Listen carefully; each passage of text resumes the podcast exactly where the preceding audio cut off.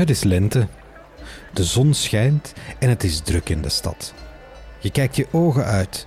Kleurrijke marktkraampjes, bont uitgedoste rijke dames en heren die elkaar de loef proberen afsteken, koetsen en karren overal.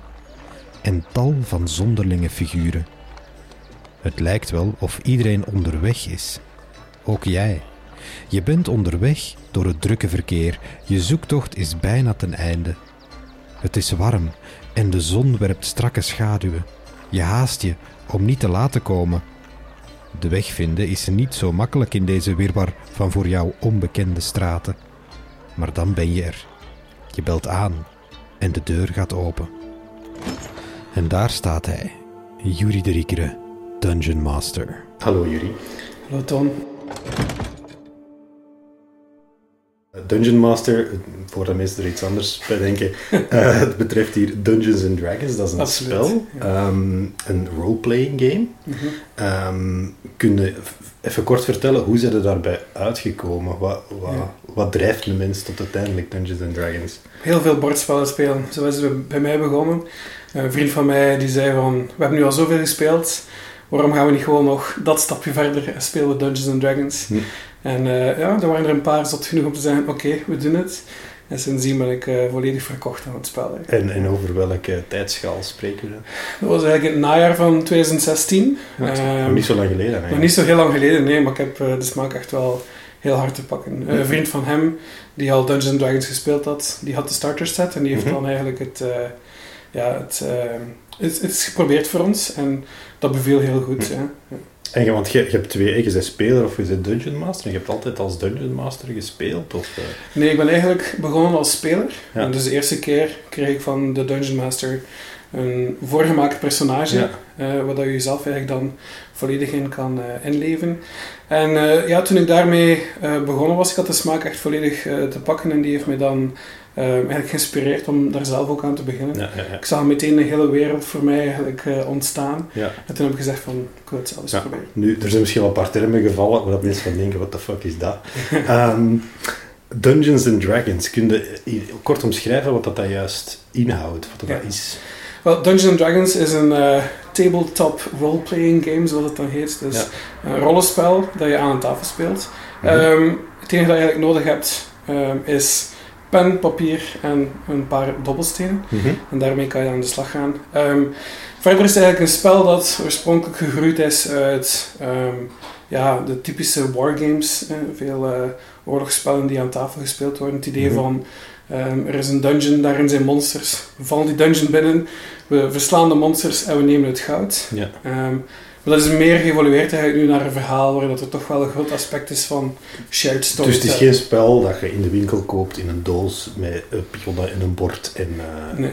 Wel, er zijn, tegenwoordig zijn er wel starter sets en boeken dat je kan kopen, maar het enige wat je nodig hebt is een pdf van de regels, die kan je online vinden op de website van Wizards of the Coast. Eh dobbelstenen en uiteindelijk veel eh, inlevingsvermogen. En je hebt ook twee eh, rollen. Allee, rollen, is, rollen in, in het, als, als speler. Eh, je, hebt, je hebt de Dungeon Master en je hebt de spelers. Wat is het Ja. verschil tussen de twee? Want dan, dan maakt het ook wel anders dan Ja. een Monopoly, zal ik zeggen. Ja, inderdaad. Ja. Ja, het, het verschil is dat eh, elke speler heeft meestal één personage waar Mhm. hij of zij mee speelt. En ze geven dat personage ook vorm doorheen het verhaal. De Dungeon Master is eigenlijk verantwoordelijk voor de rest. Het, het overkoepelende verhaal, de wereld waarin de spelers spelen. eh, maar ook alle ja, non-player characters, alle willekeurige mensen die ze tegenkomen, Mhm. die worden eigenlijk gespeeld door de Dungeon Master. Dus als je het schrijft bij een computerspel bijvoorbeeld, dan is een Dungeon Master is de computer of Inderdaad, het spel. Ja. Ja, Ja, nu, het verschil is wel dat het is niet zo dat ehm, de Dungeon Master zeg maar, de antagonist is. Hè? Dus eigenlijk, je speelt samen met de spelers. Dus je probeert om samen de wereld vorm te geven. En af en toe doe je dat door de vijanden voor te schotelen, maar soms je dat ook door de bondgenoten die de spelers nodig Ja, hebben. je hebt, voor je hebt bij de voorbereiding ook de term shared storytelling eh, Ja. laten vallen. Dat is, vat, dat, vat dat zo wat samen? Van, Ja, inderdaad, want het is zo, je hebt natuurlijk als Dungeon Master heb je een bepaald verhaal. Mhm. een bepaald verhaal dat je wil volgen, maar eh, zo'n verhaal is enkel sterker als, als je spelers ook een eigen verhaal hebben, een eigen achtergrondverhaal. Dat achtergrondverhaal voedt het grotere verhaal en je kan daar elementen uithalen. Mhm. Dat de spelers ook echt het gevoel hebben van, dit is een wereld waar ik en mijn personage echt een impact op heeft. Ja. En, en het spel is er ook niet op één avond afgelopen. Hoe? Nee, absoluut niet. Nee. Ehm, het is meestal zo dat als wij spelen, dat een sessie toch makkelijk minstens drie tot vaak vijf uur of meer duurt. Dat is één sessie, dat is nog Dat is één sessie, Ja. inderdaad. Ja. Nu, je kan ook vaak ehm, je kan beslissen om echt een groot verhaal te spelen. Ja. Dat kan dan meerdere avonden duren. Je kan ook beslissen om één sessie, een one-shot, één verhaal op één avond te spelen. Dan heb je echt een, een geconcentreerde versie van eh, Dungeons and Dragons. Ja. En eh, wat je niet uw voorkeur dan? Ehm, het voordeel van een, een, een campaign is dat je, dus als je er meer tijd in steekt, is dat je een veel verfijnder verhaal kan opzetten. Hm. Ehm, dat geeft je echt de kans om ja, heel interessante antagonisten voor te stellen of heel interessante personages. Mhm. En de spelers ook echt dat ze de tijd moeten nemen om alle aspecten van het verhaal te verkennen. En dat is wel wat mijn voorkeur Mhm. eh, wegneemt. Er is ook wel eh, eh, Dungeons and Dragons. Allee, mensen kennen dat misschien of hebben ervan gehoord, dat is zo een heel nerdy ding. Maar de, de laatste jaren heeft dat wel een stevige revival meegemaakt. Ja, absoluut. Ja, vertel eens hoe, hoe allee, wat is zo de, de mediatieke geschiedenis van Dungeons and Dragons? ja, De populaire cultuur. Ehm, het is nu eigenlijk vrij recent dat het echt in de spotlight is gekomen. Ik denk voor een groot stuk door, door Stranger Things. Ja. Ik denk dat dat echt wel een enorme impact heeft gehad. Maar ook voor een stuk omdat heel wat ehm, bekende acteurs vandaag, ehm, ook veel verhalenschrijvers, ehm, Ja. eh, mensen die shows maken in Hollywood, die hebben nooit allemaal Dungeons and Dragons gespeeld. Ja. In de jaren 70, in de jaren eh 80. Dus het is nu ook plotseling, die mensen zijn allemaal bekend, hebben veel geld. En dan wordt het plotseling ook wel iets meer Ja. eh, mainstream. Maar is D&D de- heeft wel een, ja, een beetje een uphill battle gekend doorheen de jaren. Ja, hoe, ja, vertel. Wel, ehm, dus Dungeons Dragons is eigenlijk eh, echt gestart in de jaren 70. Mhm. Gary Gygax is degene die het, eh, het spel heeft uitgevonden. Ehm, en het werd heel snel heel populair bij heel veel mensen. Ehm, en dat werd uiteraard ook opgepikt door de media. En in de jaren 80 was er een ware satanic panic. En dat Mhm. er echt wel van verschillende mediakanalen dat die eh Dungeons Dragons begon te associëren met, met zelfmoorden en met satanistische rituelen. En uiteraard, daardoor werd het spel nog populairder. wilden nog Ja, meer ja. mensen het eigenlijk... eh, Alweer een parallel met computergames. absoluut, ja. Hoe meer dat je er eigenlijk tegenin gaat, hoe populairder het vaak eh, Ja, ja, wordt. ja, ja. Want van die bekende mensen, is Stephen Colbert bijvoorbeeld, eh, Absoluut. jij vermeld, en we hebben ook wat dingen van gevonden. Bleek zeer into Dungeons and Dat Dragons is te een hele grote nerd, ja. Ja, absoluut. ja, ja. was, zijn, zijn Lord of the Rings fandom is al heel gekend, maar het is eigenlijk ook... ja, Dungeons Dragons was ook zijn ding. Over- Anderson Cooper ook, eh, van Ah eh, ja. CNN, is ook een heel groot... eh, En, en over nerds gesproken, Vin Diesel. eh, Absoluut, ja. Ja. Ja, dus echt... ja, en recent veel meer mensen die... Joe Manganiello, die... Ja, die speelt toch in, in Magic Mike en in True Blood, denk ik. ja. Die heeft zijn, echt letterlijk zijn kelder. Ja, hij woont samen met Sofia Vergara van Modern Family. De kelder, die was voorbestemd om een wijnkelder te worden. Hij heeft gezegd, nee, ik maak daar echt mijn dungeon room van. Hij heeft die volledig omgebouwd met drakenkoppen en al. Ah, cool. Ja, ja. Want er zijn ook wel, er is een, een YouTube-kanaal waar je van gezegd, dat moeten we zeker vermelden, waar Absoluut. dat die mensen ook regelmatig eh, Ja. aan bod komen. Hè? Ja. Eigenlijk, ehm, de, de meest bekende eh, YouTube-reeks momenteel is Critical Role. Mhm. Eh, die zijn gestart bij Geek and Sundry. En die dachten van, al die... Critical Role zijn allemaal, vo- allemaal voice actors. Mhm. Mensen die ooit allemaal Teenage Mutant Ninja Turtles en zo ingesproken hebben. En elke anime ook, eh, daar zijn ze ook bij betrokken. Ehm, en die, ja, Geek Sundry vroeg van, ja kijk, ehm, eh, willen jullie niet eens dat spel komen spelen op stream voor ons? Ja, ja, En we zeggen van, ja, we willen dat wel proberen, maar niemand gaat kijken. Uiteraard, vandaag zijn er echt eh, ja, ehm, honderdduizend tot miljoenen mensen die naar kijken. ja, ja. Ehm, als mensen nu thuis eh, een keer dat willen proberen, eh, wat, wat kunnen ze dan doen? Of wat, Mhm. wat moeten ze... Je hebt gezegd de regels downloaden, dat is Ja. misschien al een, een eh, zero-budget stap. Inderdaad. Buiten de printkosten. Nu, het is wel zo, dus dan heb je de regels. Ja. Ehm, nu, het kan nog altijd heel intimiderend zijn. En eigenlijk een hele goede stap om te starten met Dungeons Dragons is de starter set. Mhm. Die kan je eigenlijk op bol.com, Amazon, waar dan ook, ook in je friendly local game store, Ja, kan je die ja, ook eh, vinden. Ik denk voor 20 euro heb je dan eigenlijk een kant-en-klaar eh, avontuur klaar. Dat over meerdere sessies kan gaan. Ehm, personages voor iedereen, uitleg, specifiek gericht op de eerste Dungeon Master, de eerste keer dat je Dungeon Master bent. Ah ja, dus, Ja. dus dat is echt ook... eh, als, als, als beginnende Dungeon Master krijg je daar ook wel eens op weggezet eigenlijk. Ja, die starter set gaat er eigenlijk echt vanuit dat iedereen, zowel de Dungeon, Dungeon Master als de speler, dat het voor hen de eerste keer is. Ja, op die manier ook leert van... eh, misschien leren ook van, ja, eh, speler zijn is toch niet echt iets voor mij, ik wil liever Dungeon Master en dan Ja, ja, ja. kan ik nog worstelen. Ja, want ik heb ook gezien, online vind je, je hebt player handbooks en monster Ja, eh, boeken en zo. Is, dus is dat dan geen goed idee om die te kopen? Of, of, eh? Ehm, ik denk dat het, de starter set gewoon een, een goede eerste stap is als je echt nog geen, ook als je nog geen ervaring hebt met roleplaying games. Ja. Maar daarnaast heb je ook ja, een soort van volgorde die je kan volgen. Als je een speler bent, is op termijn wel de Player's Handbook wel iets heel interessants. Dat is echt waar alle regels voor de speler in staan. Je hebt ook de Dungeon Master Guide. Nu, het voordeel is ook, vandaag we hebben allemaal smartphones en tablets. Wizards of the Coast werkt ook samen met eh, D&D Beyond. En daar kan je eigenlijk ook alle boeken digitaal kopen. Kan je ook digitale character sheets maken. Dat is een hele handige app, zeker voor Ja, ja, ja. mij als Dungeon Master heel veel eh, goed uit Ja, gehad. En dan heb je ook nog eh, het, het, het YouTube-kanaal van, van Matt Colville vermeld. Ja. Wie, is, wie is Matt Colville? Matt Colville is een hele grappige man als je hem voor het eerst ziet Mhm. op, op eh, YouTube. Ehm, hij is eigenlijk bekend geworden door... Hij was een schrijver voor onder andere Evolve. Eh, hij heeft ook meegewerkt aan Left 4 Dead. Dus van Turtle Rock, Turtle Rock Studios. Eh, maar hij is altijd een grote D&D-nerd Het, game Left 4 Dead bedoelde hè? Ja, ja, de game ja. Left 4 Dead, inderdaad. Ja, ja. Dus eh, hij, is, is schrijver geweest voor Turtle Rock Studios. En hij is beginnen met video's te maken over hoe dat je kan een goede Dungeon Master zijn. En voor mij waren die echt wel heel eye-opening, want ik was zo'n beetje geïntimideerd van ik dacht van... Ik vind de D&D-wereld wel leuk, maar ik wil echt mijn eigen wereld maken. En Mhm. hij heeft dat heel makkelijk gemaakt. Door gewoon te zeggen van, begin heel klein, begin met een dorp, begin met een avontuur. Wie zit er in dat dorp? En heeft echt gewoon zo'n stap voor stap eh, uitleg gedaan. En eh, ja, die heeft me echt wel geholpen. En eh, ja, heeft nu ook een nieuwe campaign dat hij nu ook streamt. Het is heel inspirerend om te zien. Ja, hij is ook echt wel een, een character hè, in zo'n Absoluut. Dat is echt ja. wel op Inderdaad. zich ook wel heel boeiend om die man bezig te zien. Ja. Ehm, ja, je hebt dat daarnet ook al aangeraakt, hè, maar als, als DM je kunt het idee hebben van dat is, je moet eerst jaren speler zijn en de Mhm. regels eigenlijk van buiten kunnen aframmelen.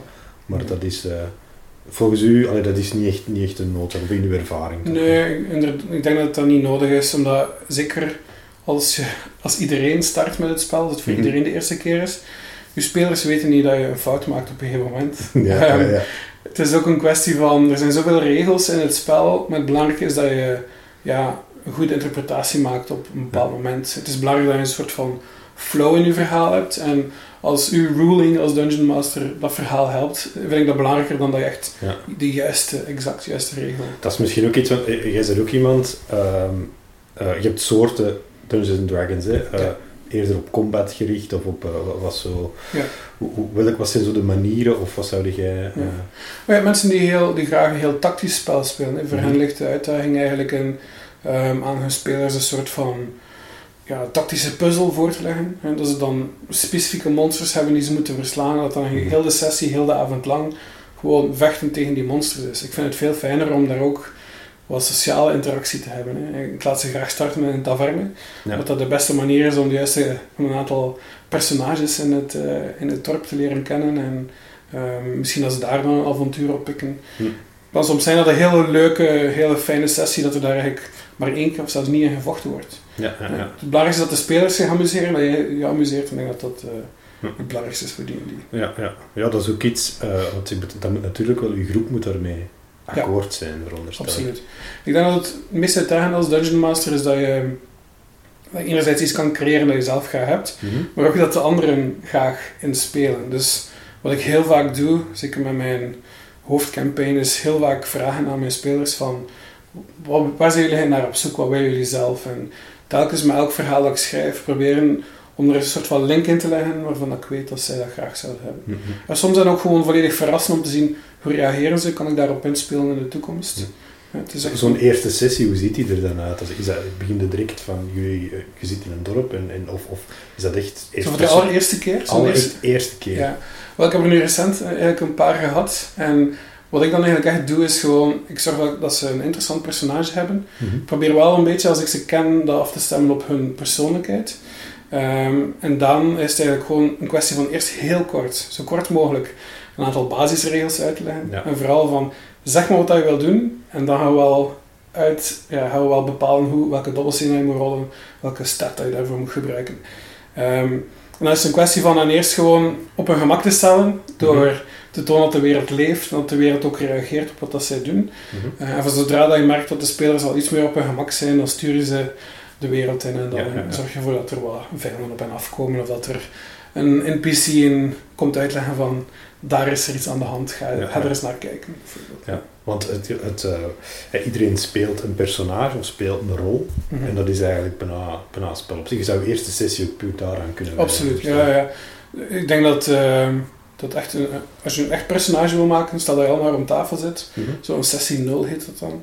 Dan is het echt een kwestie van uit te vissen. Ja, je kan random rollen met dobbelstenen om te bepalen wat dat je stats zijn. Je kan dat zo laten bepalen. Of je kan zeggen van ik heb echt dat idee in mijn hoofd. Ik wil een, een oude, eh knorrige militair zijn bijvoorbeeld. Dat is echt wat ik wil doen. En dan bouwt je personage daar rond op. En ik wil eh, een chef die daar aan de overkant zit. Dat is iemand die ik al heel lang ken. Bijvoorbeeld, dan kan je echt zo samen een achtergrondverhaal opbouwen. Hm. Dat u, ja, en dan moet je als Dungeon Master ook echt gewoon heel goed luisteren.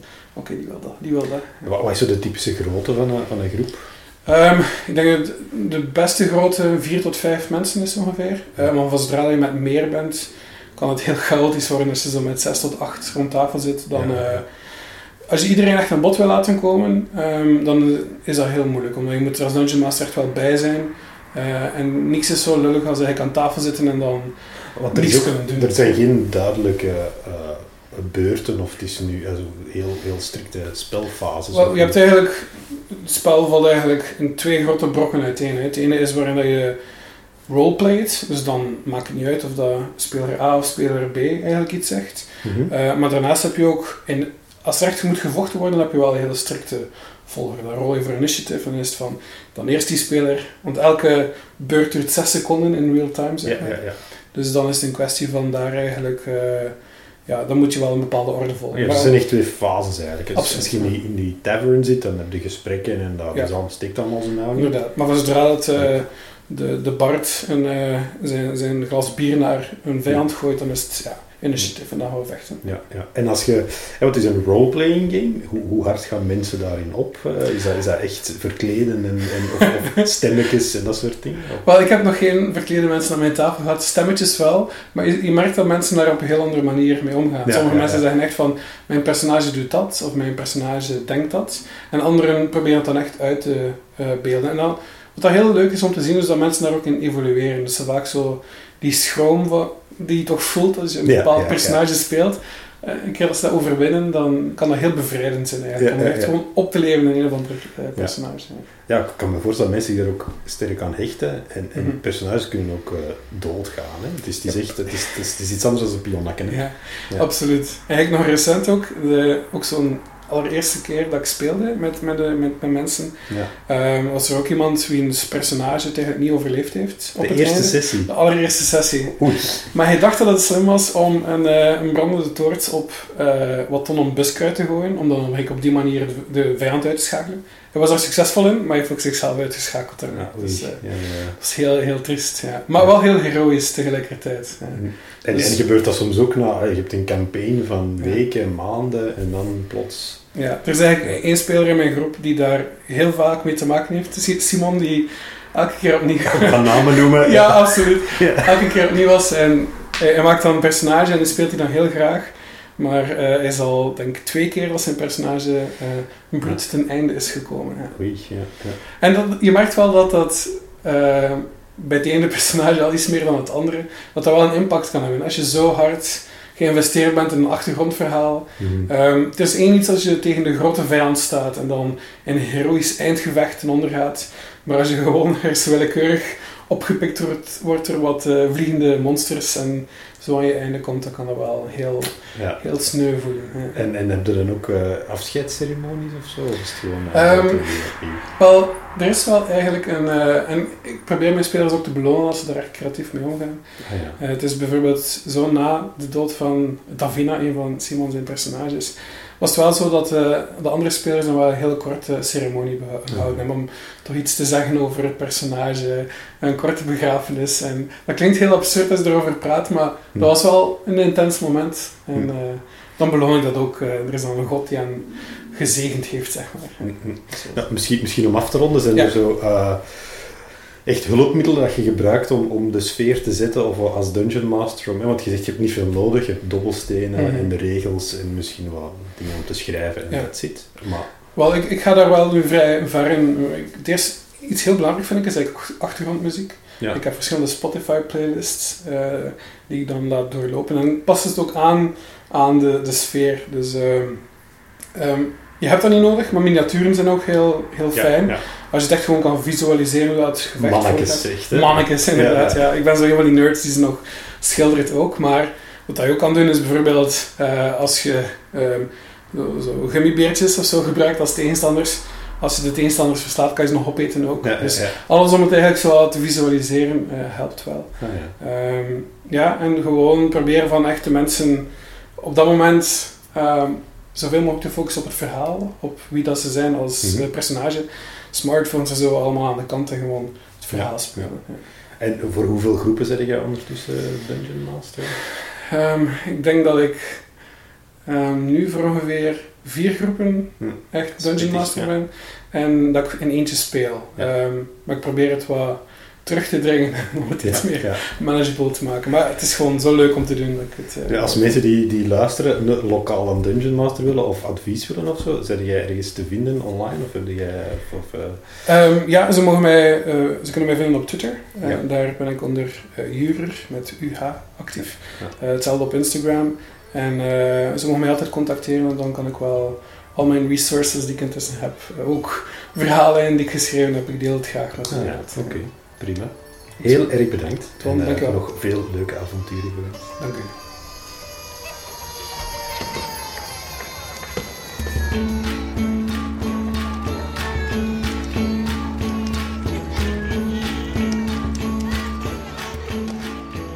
Je hebt het einde van deze kwestie gehaald. Je vond het dus waarschijnlijk leuk. Vertel erover aan al je vrienden en zet de sterretjes op 5 in Apple Podcasts. Of beter nog, schrijf een review. Zo kunnen meer mensen Check Days ontdekken. Dit is de laatste aflevering van dit seizoen.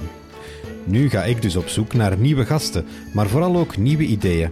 Om de ruimte tussen seizoenen beter te vullen, om meer mensen te bereiken, om de podcast beter te maken op alle vlakken.